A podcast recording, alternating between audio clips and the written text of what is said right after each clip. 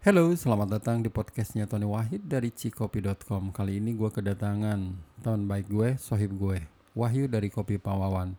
Wahyu, selamat datang di rumah gue. Halo, selamat sore Pak Tony. Yo, selamat sore. Dan kita akan ngobrol banyak tentang banyak hal. Ngobrol banyak tentang banyak hal, gimana sih itu kalimat? Ngobrol banyak tentang khususnya masalah roasting Mari kita mulai podcast episode kesekian dari cikopi.com dengan gue Tani Wahid.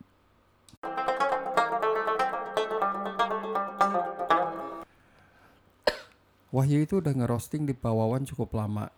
Pengalamannya banyak tentunya dan dia adalah salah satu orang yang tepat untuk diajakin ngomong masalah roasting kopi.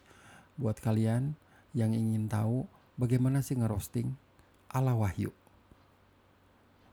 Mas Wahyu, ngerosting itu kayak gimana sih kalau buat kita-kita yang awam ini pengen ngegoreng kopi misalnya di rumah apa yang dibutuhkan alatnya maksudnya terus gimana caranya secara simpelnya sehingga kita bisa goreng kopi sendiri di rumah aja dulu misalnya Untuk roasting sendiri, eh, kalau alat yang dibutuhkan itu yang pertama pastinya mesin roasting ya Pak ya. Sama sebelum setelah itu kita juga butuh green bean biji kopi mentahnya. Karena kalau nggak ada green beannya apa yang mau kita roasting? Maksud jagung. iya bener. Iya, jadi popcorn nanti Pak. iya. Eh tapi itu pakai wajan bisa nggak yuk kan gue dulu pernah nyoba tuh pakai wajan. Nah apa sih kelebihan kekurangannya? Eh apa? Kelebihan dan kekurangan pakai wajan eh pakai wajan lagi pakai wajan misalnya Kalau ngerosting pakai wajan ya kelebihannya simple aja sih. Kita bisa memakai wajan yang ada di rumah gitu, alatnya mudah ditemukan dan murah paling penting ya Pak. Kalau kekurangannya sendiri adalah ya kita tidak bisa mengontrol proses roastingnya secara maksimal. Dan yang kedua itu biasanya si kulit ari pada kopi kan pada saat kita roasting dia terlepas tuh. Dan itu jadi berantakan di dapur biasanya itu Pak. Terus asap ke mana-mana juga kalau Iya, dan asapnya ke mana-mana juga ya, cukup mengganggu lah kalau pakai wajan. tapi untuk misalnya ya buat kita kita yang baru pertama kali boleh dicoba nggak tuh pakai wajan supaya tahu Kalau menurut saya boleh sih kalau mau buat coba-coba aja, ya. mungkin mau iseng di rumah. Atau mungkin eh, ada alat satunya lagi Pak, pakai kuali kali ya, kuali tanah liat. Jadi saya punya pengalaman dulu ada teman saya di daerah Sumatera Barat, eh, itu dari Konco Brubar yang sekarang berubah nama menjadi dua pintu, namanya Fajri. Dia yang ngasih tahu saya cara roasting pakai kuali. Yang kalau dalam bahasa Sumatera Barat tuh disebutnya belango. Belango atau balango gitu ya, saya lupa. Nah, kualinya itu seperti kendil untuk buat tempat ari-ari, Pak. Nanti sama dia ditutup, atasnya dibuat lubang di bagian tutupnya untuk masukkan green bean. Setelah itu si kuali tersebut digantung. Yang di mana di, di bawahnya kuali tersebut ada sumber panas seperti kompor. Pada saat roasting, si Fajri langsung masukin biji kopinya dari tutup kuali yang dibolongin tadi. Lalu eh, apinya sudah siap menyala dan kuali sudah panas, lalu digoyang-goyangkan. Itu cukup cukup murah dan cukup efisien juga sih bisa dipakai untuk kalau mau iseng-iseng buat di rumah. Saya udah coba beberapa kali, yang terakhir saya coba kebetulan di salah satu perkebunan Sumatera Barat. tuh teman-teman dengerin tuh Wahyu pengalamannya jadi bisa itu pakai eh, belango ya Bisa Pak. Eh, saya terakhir di Sumatera Barat sama Koperasi Solok Rajo pergi ke sana bareng Fajri. Eh, di sana roasted beannya habis. Terus kita mau ngopi bingung. Adanya green bean aja. Kebetulan si Fajri bawa si belango itu. Akhirnya saya roasting di sana pakai alat belango tersebut. Akhirnya ya udah kita minum kopi yang di roasting dari kuali belango tadi. dan kalau nggak salah Fajri itu juga menjual hasil roastingnya hanya dengan menggunakan belango pada saat awal dia memulai usaha kopinya Betul. Betul, Pak. Pada saat si Fajri memulai usaha kopinya, kedainya bernama Konco Brubar, dia itu memulainya semua dari belango, nggak pakai mesin roasting komersial kayak yang sekarang dia sudah pakai ya.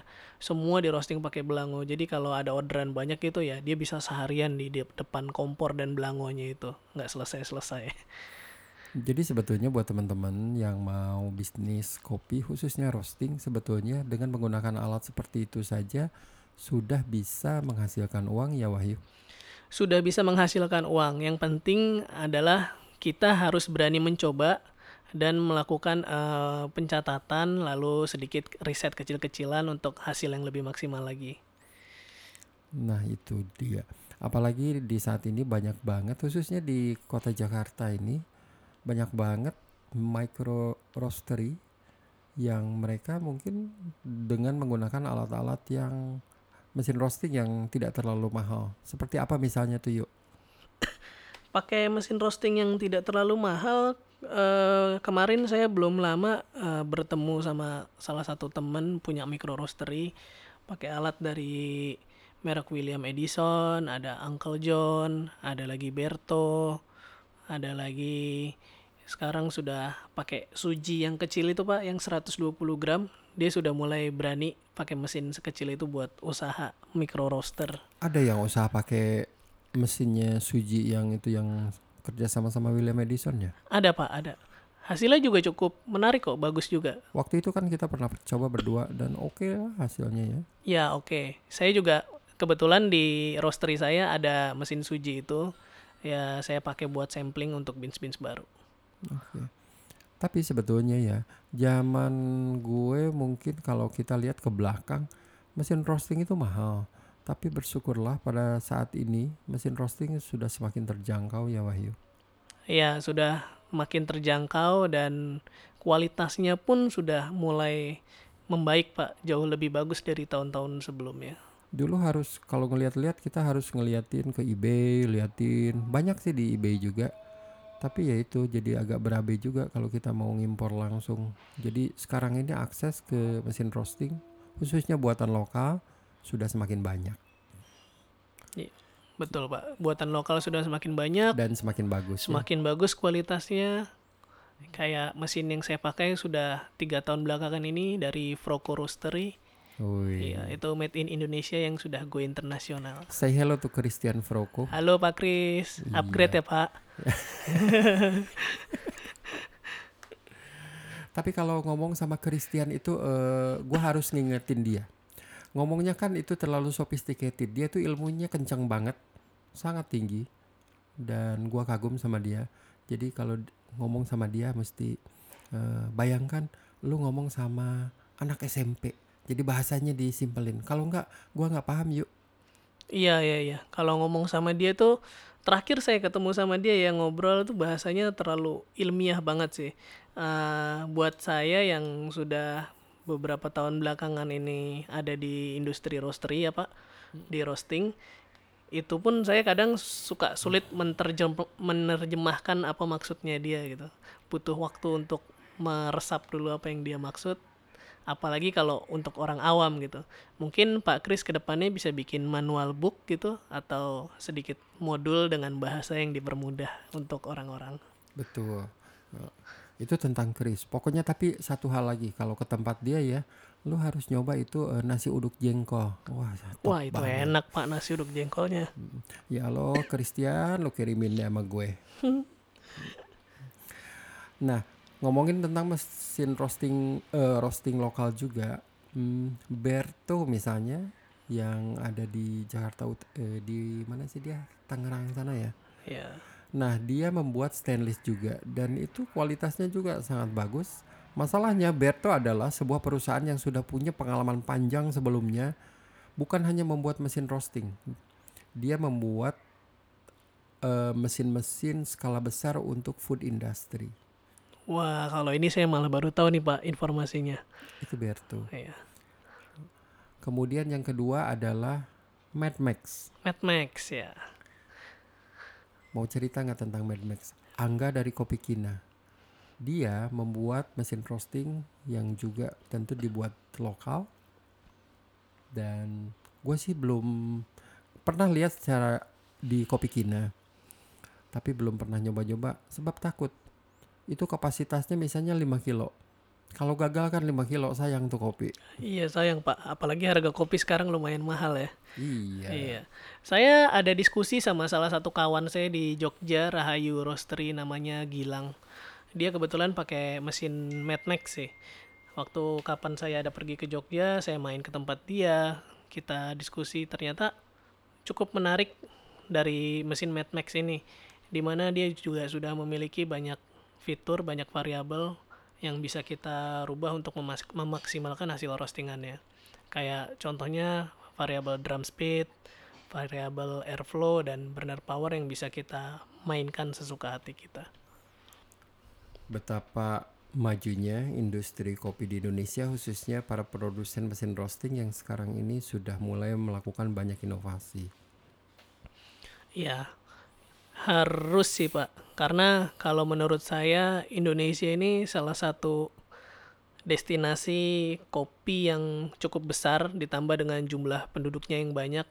Masa sih 10% dari seluruh jumlah penduduk Indonesia yang ada sekarang ini minum kopi nggak bisa kita tarik semuanya gitu ya untuk memajukan kopi industri khususnya di green bean, roastery dan cafe. Tentu. Satu hal lagi kita juga harus menyebutkan satu nama buatan lokal sudah jauh lebih lama Uncle John. Uncle John.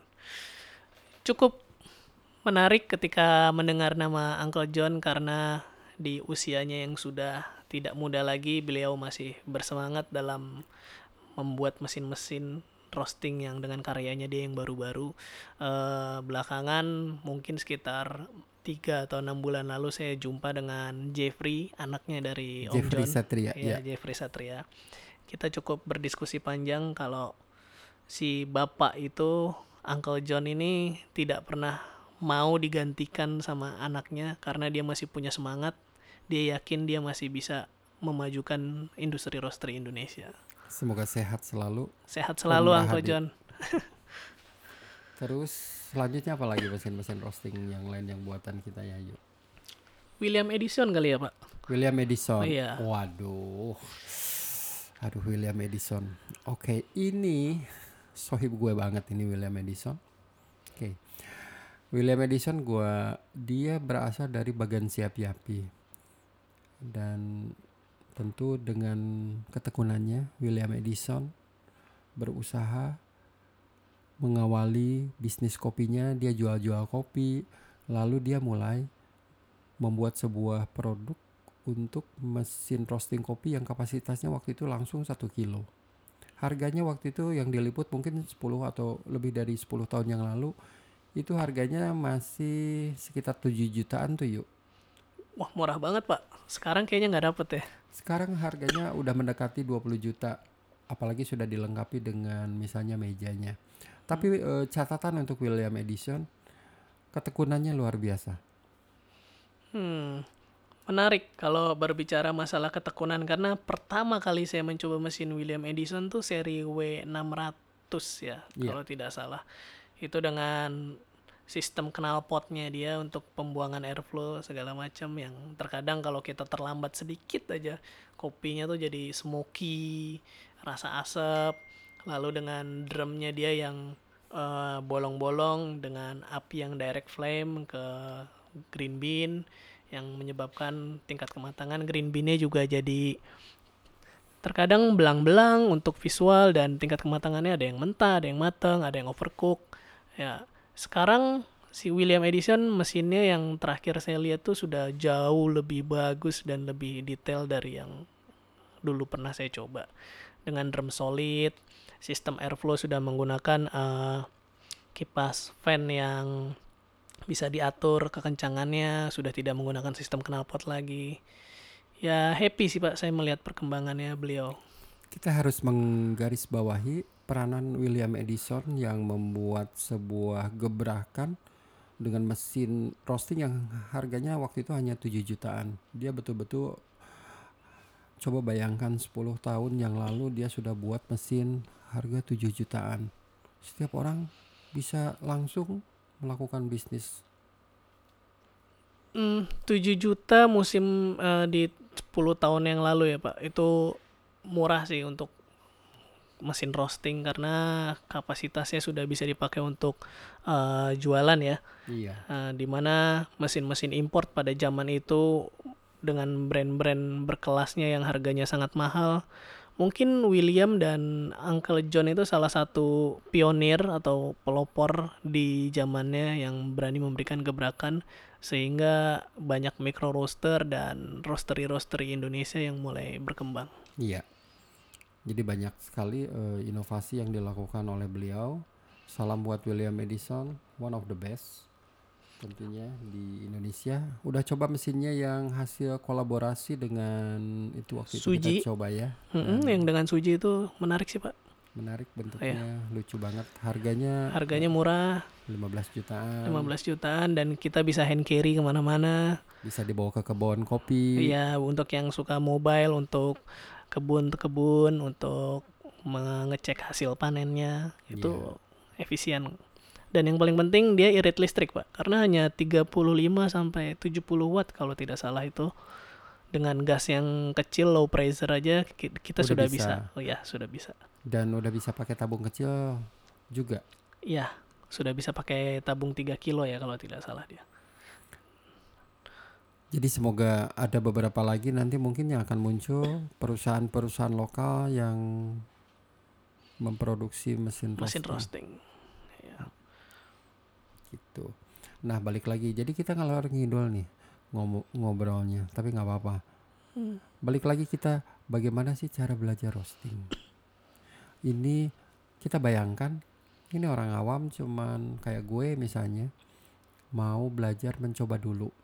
Jadi mungkin yang pertama yang bisa kita usulkan adalah coba pakai wajan dulu ya, Wahyu ya. Iya betul, pakai yang ada di rumah dulu. Wajan teflon, jadi kita bisa tahu apa kelemahan dan kelebihannya alat itu. Ya, setelah itu kita bisa ngelihat perubahan proses roasting, Pak, yang terjadi pada green bean. Oh, Karena wah, kan kebuka tuh kelihatan langsung kan betul. di depan mata. Dan wanginya enak yuk, kayak wangi kue-kue gitu deh. Ya, wangi-wangi kue, wangi-wangi jagung rebus. Jagung rebus ya. Iya. Terus kalau gue pernah juga nyoba pakai oven listrik yuk. Oven listrik yang seperti apa tuh, Pak? Saya malah juru, belum pernah coba pakai oven listrik. Eh, gue tuh pakai oven listrik karena pemilik Blue Bottle Mm-mm. itu dia juga di rumahnya pakai oven listrik.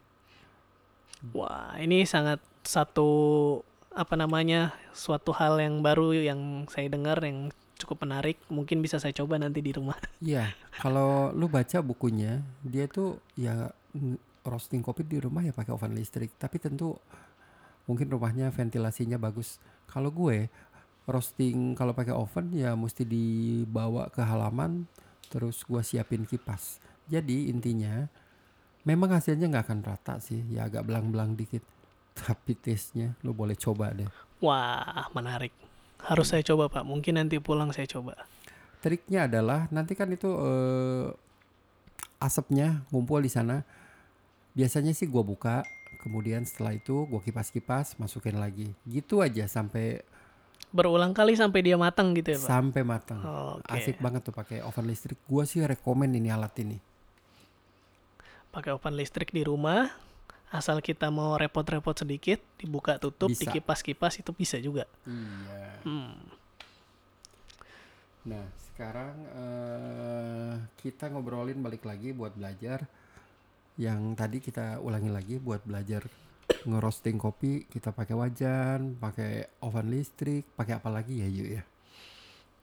Eh, dulu ada salah satu kawan saya juga coba pakai yang untuk bikin popcorn itu, Pak. Oh iya, iya, iya. iya. Ah, pakai yang bikin popcorn sama dia di sedikit dimodifikasi dia punya thermostat otomatis off-nya itu di non fungsikan supaya suhunya sampai sampai titik kematangan si kopi sedikit custom custom gitu itu menarik juga pak hasilnya menarik juga sih dicobain kopinya tingkat kematangannya itu bisa rata gitu bisa bagus Tuh. Jadi buat teman-teman yang mau mencoba pergi ke supermarket beli alat pembuat popcorn. Dan sebetulnya sih kalau nggak dimodifikasi bisa nggak? Saya justru belum pernah coba pak kalau belum dimodifikasi. Tapi logikanya Harusnya sih bisa. Yang penting dia punya otomatis termostat matinya dia itu untuk heaternya itu bisa sampai suhu tingkat kematangan si kopi. Hmm, Gitu ya. Oke. Ada lagi alat lain yang mungkin bisa dicoba sama teman-teman di rumah? eh kayaknya itu dulu ya, Pak. Itu dulu ya. Iya, mungkin kalau nambahin satu deh kalau tradisional zaman dulu pakai wajan ya. Wajan Oh, yang gede banget yang gede itu. banget itu Iya, yang kuali iya. tanah liat besar. Mm-mm. Itu diaduk-aduk gitu pakai kayu bakar. Nah, tapi Kualinya sampai hitam juga. sampai hitam, sampai orang-orangnya hitam itu, Pak. Oh iya, Kena asap soalnya. betul. Di Aceh pakai itu ya. Eh drum Pakai drum, iya, pakai drum. Pakai drum yang bekas, yang bekas minyak itu. Betul. Pakai Oh, itu. berat banget itu muternya yuk. Berat, Pak, di engkol manual itu sama dia. Betul, dan asap ke mana-mana. Bukan main ya, perjuangan orang untuk menghasilkan kopi ini nggak mudah. Oke. Nah, selanjutnya kita masuk ke mesin yang biasa digunakan untuk produksi. Tentu mesinnya ini profesional. Minimal dia sudah bisa mengatur suhu, ventilasi dan lain sebagainya. Wahyu sebagai orang yang berpengalaman sudah bertahun-tahun dia dan hasil roastingnya bagus. Coba yuk ceritain. Pada awalnya lu menggunakan mesin kayak gitu proses belajarnya lama nggak sih? Kalau proses belajar, Pak, setiap orang itu punya kemampuannya daya serapnya yang berbeda-beda ya. Ada yang cepat, ada yang lama. Tapi eh, ini ada satu hal lucu nih kalau mengingat proses belajar saya. Jadi dulu sebelum saya join ke Kopi Pak Wawan, saya ditelepon, saya datang ke rumahnya, ke rumah beliau. Nah, ke rumah beliau sampai di sana rumahnya tuh kayak lab. Dia punya espresso mesin, punya manual brewer yang komplit, dia punya mesin roasting juga. Di situ eh, beliau menyalakan mesin roastingnya dan kasih tahu, oh ini buat ini yuk, ini buat itu, ini yang power, ini yang drum speed, ini yang airflow, nah ini green bean-nya, dan ini hasil roastingan saya. Setelah itu beliau pergi, saya ditinggal. Datang di situ saya jam 10 pagi, saya ditinggal sampai jam sekitar jam 3 jam 4 sore. Ternyata beliau tidur di kamar. Dari jam 10 pagi sampai jam 4 sore itu saya hanya dapat dua kali roasting. Yang di mana hasil roastingan yang pertama mentah dan roastingan yang kedua itu overcook. Alias kosong. Lucu Itu dah. pengalaman pertama. Pengalaman pertama saya ngerosting dengan mesin profesional eh, Froco pada saat itu Eh, hasilnya yang pertama mentah, yang kedua overcook. Pengalaman pertama. Setelah itu saya mulai melakukan pencatatan dari setiap apa yang saya lakukan. Agak boros sih Pak buang-buang kopi. Tapi ya dari situ kita menghargai proses jadinya. Karena memang sebenarnya ngerosting ini nggak gampang.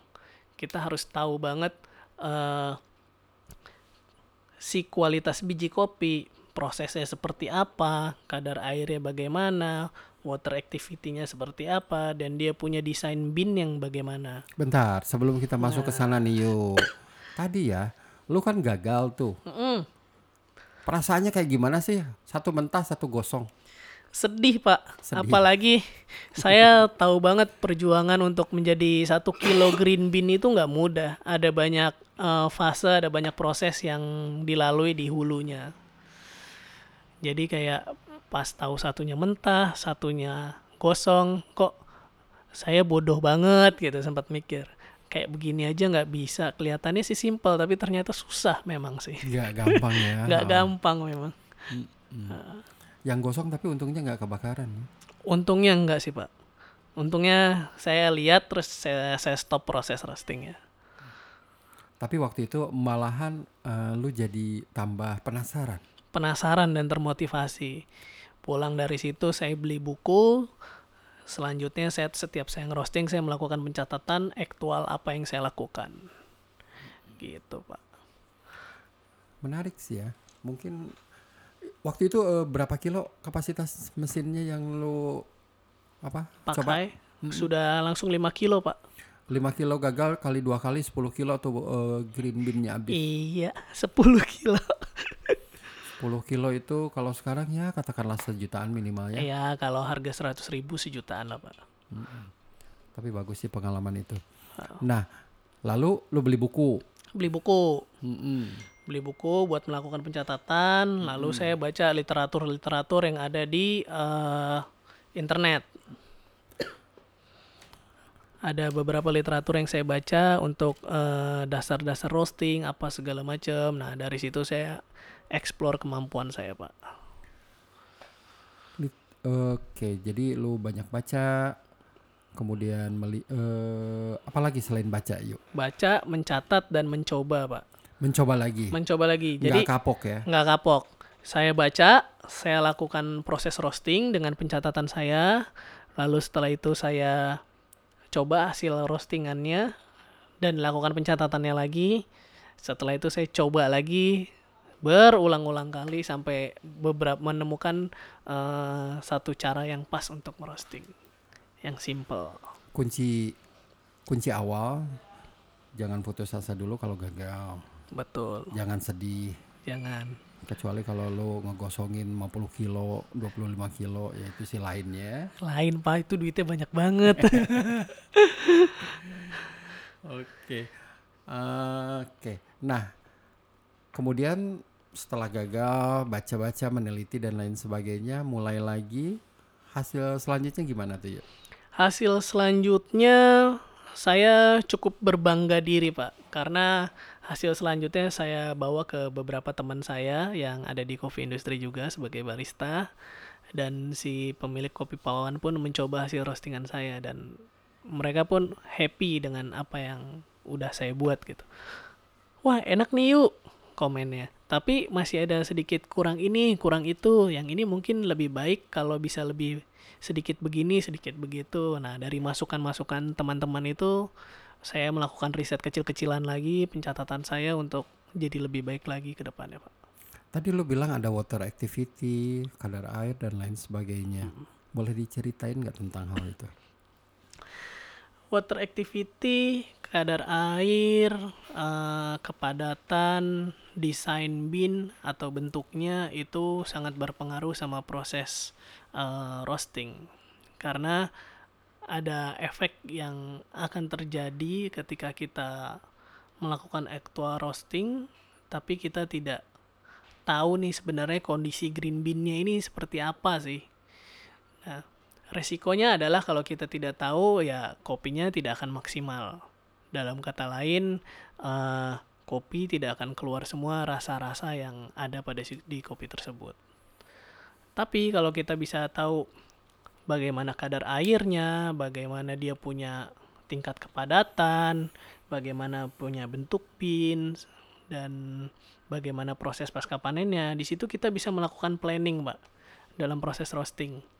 Dan planning roasting kita ini bisa untuk memaksimalkan mengeluarkan semua rasa dan aroma yang ada pada kopi. Jadi eh, intinya itu kopi nggak langsung dimasukin ke drumnya roasting ya? Enggak, Pak. Oh enggak. Enggak, enggak, enggak. Enggak bisa langsung Salah masuk. gue. ya. Iya, ada proses panjangnya. Kita harus menelaah dulu. Oke. Alat-alat un- yang dibutuhkan dalam meneliti density misalnya, itu alatnya kayak apa? Oh, kalau sekarang itu udah udah banyak ya alatnya macam-macam mereknya. Tapi ada beberapa alat yang fungsinya terpisah, ada juga beberapa alat yang fungsinya itu sudah jadi satu. Eh, contohnya kayak sinar teknologi dia ngeluarin satu alat untuk mengukur moisture dan eh, densitas atau kepadatan. Tapi kalau mau simple pak, untuk ngukur tingkat kepadatan Apa tuh? kita cukup siapkan satu wadah eh, dengan muatan maksimum 1 liter, 1000 ml ai- air. Eh, kita taruh di atas timbangan, kita ter, lalu kita masukkan biji kopinya. Nah, di situ nanti kelihatan berapa berat biji kopinya. Misalkan di situ tertulis 750 gram per liter berarti satuannya. Nah, itu berarti salah satu kopi dengan tingkat kepadatan yang cukup tinggi. Dalam kata lain cukup keras, Pak, biji kopinya. Dengan kata lain itu yang bisa ditarik kesimpulannya ya. Iya. Jadi kalau kita dapat biji kopi yang keras, otomatis kan kita butuh power lebih untuk memaksimalkan, mematangkan sampai titik terdalam si biji kopi tersebut. Nah, ilmu lagi nih buat kita. Terus itu cara yang mudah untuk menganalisa density. Iya. Terus alat apa lagi yang tadi? Tapi kalau moisture gimana? Dipegang Kalau- aja bisa nggak? Kalau moisture beberapa yang saya pelajari dari prosesor dan petani yang ada di kebun, mereka itu biasanya dipegang dan digigit. Kalau dipegang, dimasukkan tangan kita, diambil lalu diangkat, ada biji kopi yang masih menempel-menempel di tangan tuh biasanya kadar airnya masih cukup tinggi dia. Sekitar 14% ke atas. Lalu cara kedua adalah digigit. Digigit. Bentar, bentar. Beneran lo digigit? Beneran pak, biji kopinya tuh diambil, lalu sama mereka tuh digigit. Kita lihat ceplakannya, seberapa dalam ceplakan bekas gigitan kita itu.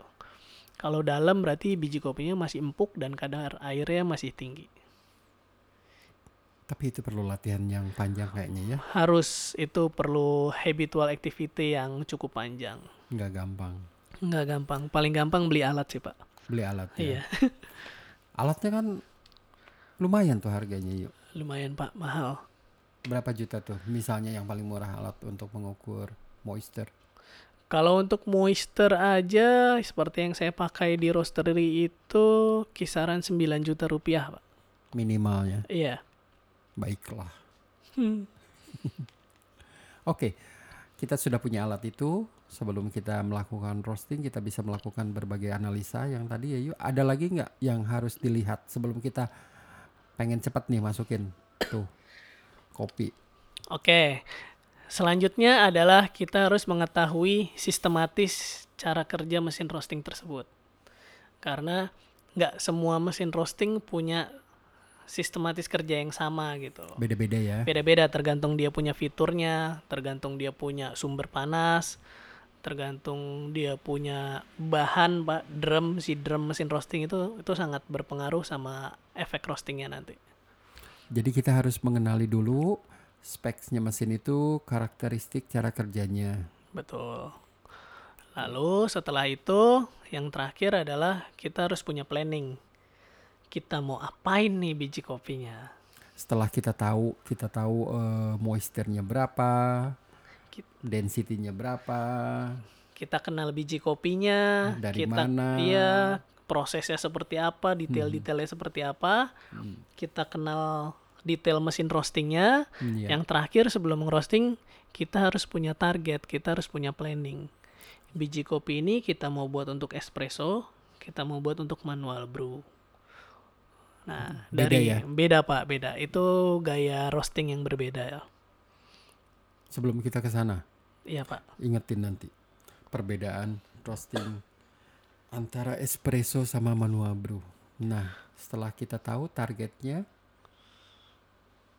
Setelah kita tahu targetnya, eh, cara membeda eh, roaster biasanya membedakan dua profile. Ah, untuk si manual brew biasanya dia dari light roast sampai medium light.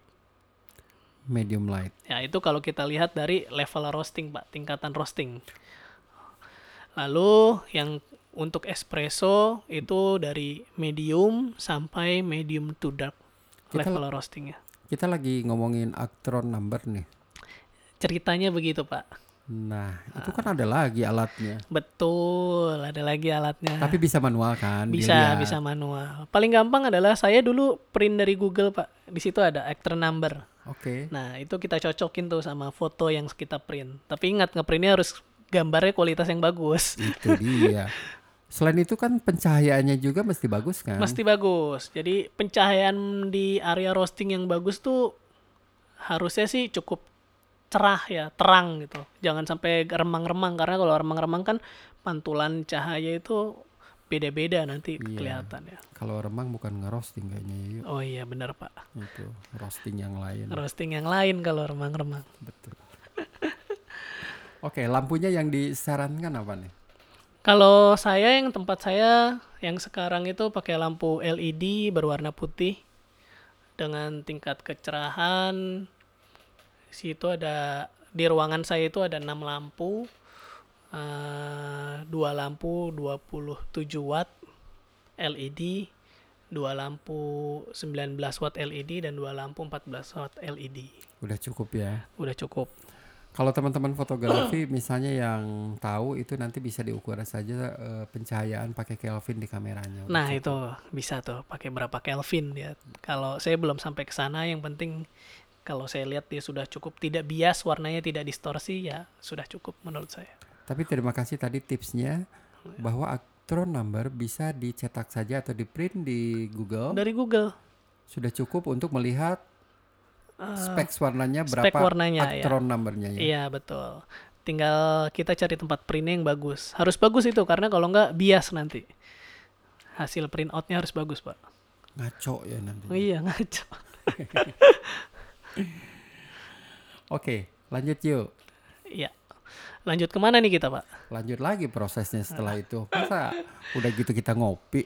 Iya. Kan belum selesai. Terus, Belum selesai. Setelah kopi selesai di roasting nih, kita sudah sampai di target yang kita eh, mau. bentar. Selama ngerosting, nih, Nah, kan lu nyatet-nyatet tuh. Iya. Terus ventilasi dibuka, temperatur naik turun, apalagi itu yang biasanya lu kerjain yuk, yang dipelototin. Drum speed mungkin Pak. Kalau di mesin saya itu saya hmm. ada, drum speed, ada ventilasi atau airflow, ada satu lagi power burnernya. Nah, di situ saya melakukan pencatatan yang biasanya nah ini orang suka salah kaprah nih, Pak. Hmm, apa tuh? Salah pendapat. Mas, profile roastingnya apa? Light roast, medium roast, atau dark roast? Yang menurut saya light roast, medium, dark roast itu sebenarnya bukan profile roasting. Di situ adalah level roasting, hasil akhir, Hmm. electron number, di mana eh, kita kopi kita keluar warnanya itu dengan tingkatan light, medium, atau dark. Oke. Nah, kalau profile roasting sendiri itu adalah aktual yang kita lakukan pada saat roasting. Hmm. mulai kita masuk mulai mulai kita masuk cas temperaturnya berapa initial weight-nya berapa lalu airflow-nya seberapa besar semua yang kita lakukan pada saat roasting itulah yang disebut profile roasting Ini eh, asumsi yang terima kasih udah meluruskan ini. Jadi kalau gitu gua salah dong. Anggapan bahwasannya yang tadi yang umumnya ya kan ya, iya iya profile roastingnya apa seperti yang lo udah jelasin tadi. Tapi bukan itu ya. bukan Oke, oke, jelas. Nah, ini masih kita eh, secara umum biasanya yang lu praktekin nih, mesin roasting dipanasin sampai suhu berapa dulu yuk? mesin saya itu sampai sekitar 210 pak 210. ya itu untuk drum temperatur Iya. ya Ini bukan, eh, ini cuman apa eh, apa ke- kayak apa ya? Kita ngelihat eh, salah satu praktek yang dilakukan oleh Wahyu aja misalnya. iya 210 kopinya masuk masuk kopinya itu sekitar 5 kilo masuk dan suhu langsung ngedrop biasanya langsung ngedrop ke berapa? Biasanya itu di sekitar 1 menit 30 detik dia mulai naik lagi di kisaran 97 atau 98 derajat. jadi ngedrop sampai setengahnya itu ya yuk Setengahnya, Pak. oke nah tentu kan akan naik lagi nih Iya. Berapa lama itu eh, mulai proses kenaikan sejak kopi masuk biasanya Eh, biasanya dia satu dari masuk sampai dia mulai naik lagi yang biasa istilahnya kita sebut turning point Mm-mm. itu 1 menit 30 detik, Pak. Nah, dari 1 menit 30 detik mulai sampai naik lagi mulai dia ya? naik, Mm-mm. naik terus sampai crack, sampai tandanya dia matang. Nah, yang itu bunyi-bunyi letup-letupan Iya, itu ya letupan-letupan itu beda-beda, Pak. nah ini. Tergantung nih, kita mau bikinnya dia fast roast atau slow roast. Hmm.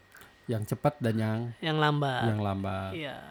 Dan balik lagi, untuk fast roast dan slow roast tidak bisa semua kopi, kopi kita pakai fast roast atau kita pakai slow roast. Disesuaikan. cara tahunya gimana Cara taunya paling gampang adalah kita tahu kepadatan dan kadar airnya, Pak. Density dan moisture. oke Hmm. contohin deh Contohin, kalau density-nya rendah, Mm-mm. moisturnya tinggi, Hmm. kita nggak bisa fast roast tuh, Pak. Biasanya resikonya kalau di fast roast, kopinya bake, Nggak matang matang di luar, luar. mentah di dalam. Jadi bake itu kayak gitu ya, Iya, istilah. istilahnya. setengah matang dong. Setengah matang dia. Oke. Kalau mau satunya lagi, misalkan tingkat kepadatannya tinggi, lalu kadar airnya normal 9 sampai 11 persen Pak. biasanya untuk kadar air yang normal nah itu enak tuh pak kalau begitu Bisa fast. bisa fast roast bisa slow roast Fast roast itu kira-kira berapa menit? fast roast biasanya Di rata-rata yang di, Wahyu ya? tempat saya ini 8 sampai 12 menit Oke. Itu cepat banget ya. cepat banget pak saya pernah coba lebih cepat lagi 6 menit Bisa. kopinya nggak enak flat kopinya Jadi eh, aroma rasa belum keluar semua. belum keluar semua Oke, lanjut terlalu yuk. cepat lalu apalagi ya pak tadi ya Tadi udah sampai nih kita di apa? eh letupan-letupan pertama. Kalau pilo Oke. kopi nyebutnya rekahan. Crack. crack ya tanda kopi sudah mulai matang di situ. Setelah dari situ ada yang namanya development pak biasanya. Nah development ini menentukan eh, berapa persen tingkat kematangan si biji kopi ini. Setelah tadi proses letupan atau crack tadi, development. Iya, development. Nah itu dihitung biasanya berapa lama waktunya itu kita kita konversikan kita kalikan dengan dari mulai roasting sampai mulai letupan pertama itu berapa menit Mm-mm. Nah, berapa lama setelah letupan sampai keluar, waktunya berapa menit? Nah, itu berapa persennya dari yang awal kita roasting tadi? Gitu ya cara ya, itu cara menentukannya. Oke. Setelah development boleh dong dikeluarin. Boleh dikeluarin. Jadi biasanya berapa menit sih development? Eh, ya angka rata-rata aja. Angka rata-rata biji kopi saya itu 1 menit 20 sampai 2 menit 30, Pak. Jadi udah bisa langsung dikeluarkan Sudah setelah dikeluarkan. pertama ya. Iya. Kalau mau disambung lagi? Kalau mau disambung lagi, kalau udah keluar nggak bisa, Pak. Enggak, maksudnya eh, Dilanjutin terus. dilanjutin terus. bisa aja persentase developmentnya akan bertambah nantinya dan itu juga akan mempengaruhi tingkat kematangan si biji kopi. Itu dia. Mas. Iya. Setelah kita sudah sesuai sama target yang kita mau, biji kopi keluar, ada proses cooling di situ tuh pak. Proses cooling ini juga sangat penting karena Bentar. butuh. Pada saat itu kan eh, momen-momen penting tuh yuk. Mm-mm. Jangan sampai kita apa itu eh, carried away, terlena ngeliatin tiba-tiba eh jadi gosong. Suka kayak gitu gak sih? Saya pernah sekali pak. Aduh, jadi malu nih. iya, coba yuk. Pernah tuh waktu kapan saya lagi nggak fokus mungkin ya. Pas lagi roasting setelah crack harusnya nih tujuan saya kopi ini mau untuk manual brew nih. Jadi dengan tingkat tingkat level roastingnya eh, medium light target saya. Pada saat saya cek pakai dryer kopi mesin roasting itu yang untuk ngecek biji kopinya pak yang bisa ditarik keluar. Iya, Saya cium baunya kok enak, ada yang menarik, ada yang unik. asik Saya- aja. Asik kayak saya ciumin terus. Tahu-tahu saya kan crack dia, Pak. Telat deh. Telat deh. Jadi hitam biji kopinya.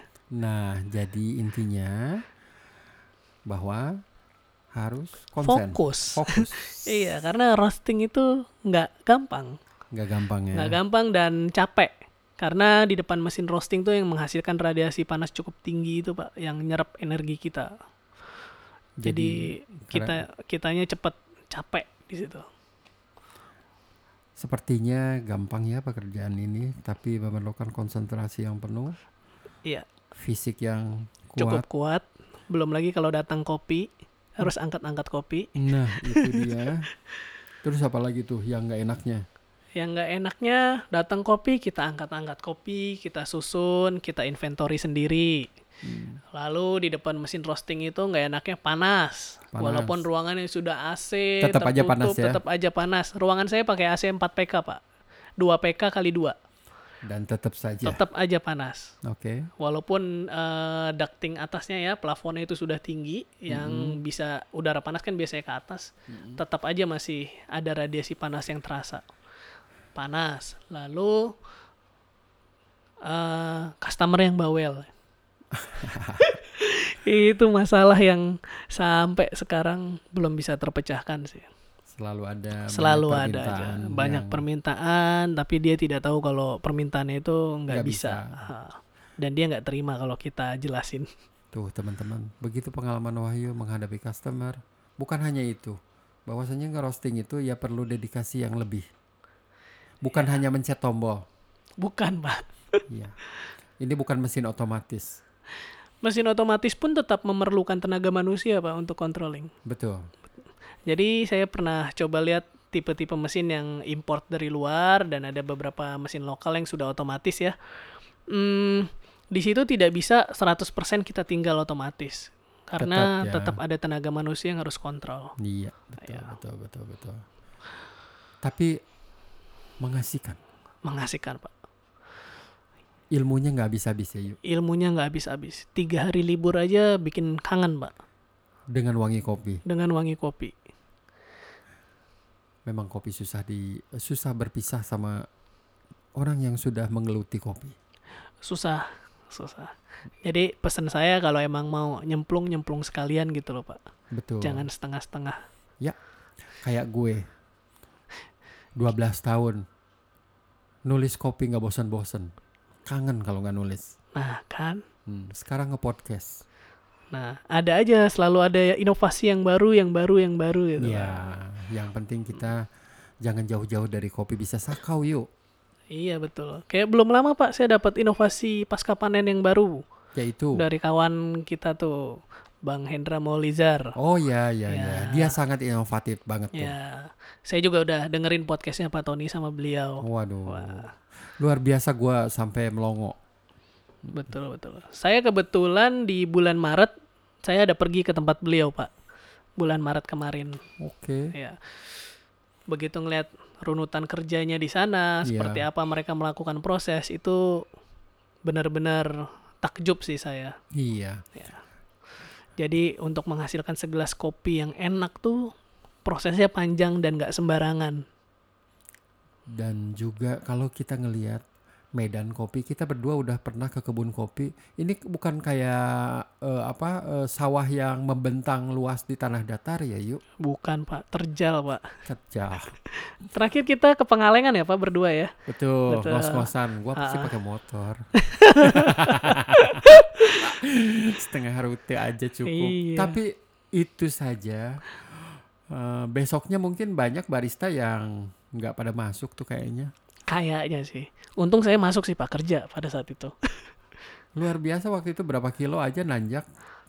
Nanjak, turun lagi, nanjak lagi. Iya, kita cuman ngasih gambaran bahwasannya ini loh suasana kebun kopi situasinya kayak gini bukannya kayak di tanah datar kita bisa enak-enak jalan sana sini. Iya betul Pak. Dan mereka yang eh, kalau laki-laki membawa beban itu sekitar 40 kiloan di punggungnya.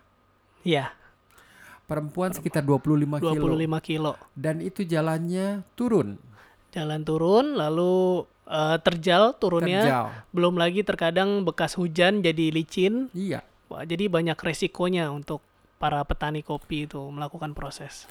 Kita aja waktu itu bebannya nggak seberapa, udah susah turun itu. Turun Susah. itu berat banget ternyata. Iya, turun menahan bebannya lebih besar sebenarnya, Pak. Betul. Iya. Jempol kaki sakit. Tapi minimal kita udah tahu bayangan bahwasannya menghasilkan kopi nggak mudah. Biji kopi itu perjalanannya sangat panjang. Dan makanya mahal. Wajar ya, Pak ya, kalau biji kopi yang enak itu mahal ya. Iya, gini aja berdiri aja deh di tanah ketinggian 30 derajat untuk ngambilin eh, biji kopi yang sudah matang.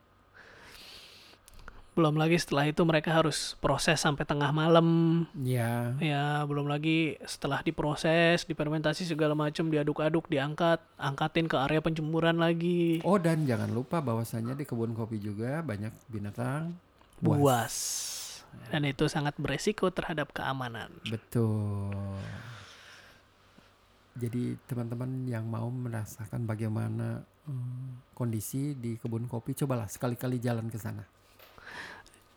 Apalagi musim-musim ini nih Pak. Bulan-bulan ini lagi seru nih Pak. Nah, Lagi musim panen raya soalnya. betul. Ya, coba deh puasa-puasa nanjak gitu kan. Waduh enak banget ya. Nah, terus nanti lihat eh, nenek-nenek bawa beban santai aja, Santai aja nenek-nenek kita yang dari kota ngos-ngosan. ngos-ngosan. Teman kita didorong yuk. Didorong. Oh iya bener. Iya, nggak usah disebutin namanya. iya. Gibah bulan puasa. Aduh.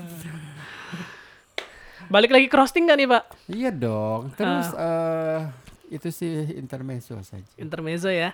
Ah, tadi setelah kita kita udah sampai di ini ya tadi ya di proses roasting yang sudah selesai. Udah selesai. Udah selesai, setelah itu biji kopi harus didinginkan. Ada yang namanya cooling tray dari mesin roasting itu dia akan mendinginkan biji kopi se- secepat mungkin. Mm-mm. Biasanya itu range waktunya sekitar 2 sampai 5 menit paling lama. 2 sampai 5 menit saja. Iya. Sesudah didinginkan, Kopi selesai, dikeluarkan dari wadah mesin roastingnya, masuk ke box, sebelum di packing dan dikirim, biasanya kita melakukan QC. Quality control, Pak. apa yang dilakukan pada proses QC? Pada proses QC ini kita melakukan proses cupping biasanya. Nah, itu berapa lama setelah kopinya selesai di cupping? Berapa jam, berapa hari? Eh kalau saya itu biasanya paling cepat ya 8 jam setelah roasting. Jadi nggak langsung langsung Nggak di langsung, ya? nggak. Oke oke. Karena saya pernah eh, langsung langsung di cupping kembung perut, Pak. Gas. Gas karena masih banyak karbon di dalam biji kopinya. Oke, jangan terlalu semangat. Jangan terlalu semangat. Kita harus memang butuh kesabaran, butuh dedikasi, kejelian dalam memproses biji kopi. sih. Wahyu memerlukan waktu 8 jam baru di cupping. Baru di cupping. Itu QC ya, proses Iya. QC. Oke.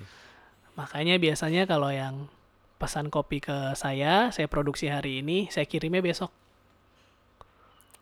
Oke, jadi nggak bisa langsung ya. Nggak bisa langsung kirim. Kalau ada yang ngotot mau langsung kirim ya, saya tidak tanggung resiko. Jadi di degassing dulu istilahnya. Ya, digasing dulu, kita cup dulu. Habis kalau udah oke, udah lolos QC, kita packing, baru kita kirim. Oke. Dan itu nimbangin kopi apalagi yang jumlahnya apa timbangannya cuman misalnya volumenya yang kecil-kecil gitu juga perlu waktu juga. Betul. Kalau 5 10 kilo, 20 kilo jualan retail maksudnya ya. Iya. eh pengalaman saya semalam salah satu customer saya skut kopi di daerah Lamandau, Barito, Pak. Iya. Wahyu, di mana? Telepon saya dia. Di gudang baru selesai buka puasa, saya bilang gitu kan. Dia datang. Ketika dia ta- datang, saya mau beli kopi kemasan kecil 250 gram 22 bungkus. Ah, bentar. Baiklah. Baiklah, oke, bentar ya, sabar, saya bungkusin dulu satu-satu. Dan dia nunggu. Kita baru selesai bungkusin kopinya dia itu eh, dua jam pak kira-kira. 22 bungkus. Karena dia pilih dulu kopinya, dia coba dulu kopinya, habis itu baru saya bungkusin. Ya. Memang Prosesnya panjang pak. tentu. Tapi fenomena yang ada sekarang ini karena coffee shopnya banyak, jadi banyak yang teman-teman kita bisnis roast eh, apa coffee roasted dengan menggunakan berbagai alat. Secara potensi keuntungan bisnis seperti itu khususnya di Jakarta ya masih oke nggak yuk? Menurut saya masih oke pak, asal dikerjakan dengan baik. Ya, jangan dikerjakan yang asal-asalan. Percuma aja kita bikin bisnis asal-asalan atau setengah-setengah. Paling orang hanya coba kopinya satu dua kali, habis itu udah nggak mau coba lagi. Nah, Jadi itu. memang harus benar-benar serius dimatengin eh, bisnisnya, jangan cuma asal ikut-ikutan aja. jangan semangat di awal nggak taunya oh kayak gini ya susah. Susah, capek, gerah, Eh, nah itu dia. udah deh, gitu. Ada yang begitu. Ada. Teman-teman yang mau bisnis kopi, mungkin perbincangan ini bisa dijadikan masukan. Sebab Wahyu sudah punya pengalaman panjang di kopi Pawawan namanya aneh ini kopi Pawawan ntar lagi ada kopi Kopi buawan mungkin, Pak. betul oke kita menjelang buka puasa terima kasih Wahyu atas Eh, segala dulu, Pak. macam oh iya memang Jangan masih panjang buru-buru, masih Belum itu. panjang. Iya. Sedikit nih, ada ada ada sedikit Silakan. iklan. Hah, kita eh, Pak Wawan bakal berkolaborasi sama Pak Tony Wahid cikopi.com uh, untuk kurasi biji kopi. Jadi Pak Tony akan mengeluarkan satu brand roasted bean yang di mana biji kopinya dikurasi dulu sama beliau, baru setelah itu dijual. Yui. Sabar ya, tunggu tanggal mainnya. Baiklah. Makasih. Makasih sekali Wahyu, ilmunya sangat banyak, eh, appreciate. Gue Pak. juga jadi ada masukan walaupun tentu itu harus dipraktekkan tapi benang merahnya adalah setiap bisnis tentu punya hal apa eh, ada pro kontranya. Tapi tadi udah dijelaskan sama Wahyu kalau mau bisnis roasting ya begini nih kondisinya. Tapi tetap semua bisnis harus ditekuni. Passion. Jangan ikut-ikutan. Jangan copycat ya. Ya, betul, Pak. Begitu saja podcast kali ini. Terima kasih Wahyu sekali lagi dari Kopi Pawawan, Tony Wahid dari cikopi.com. Salam. Salam.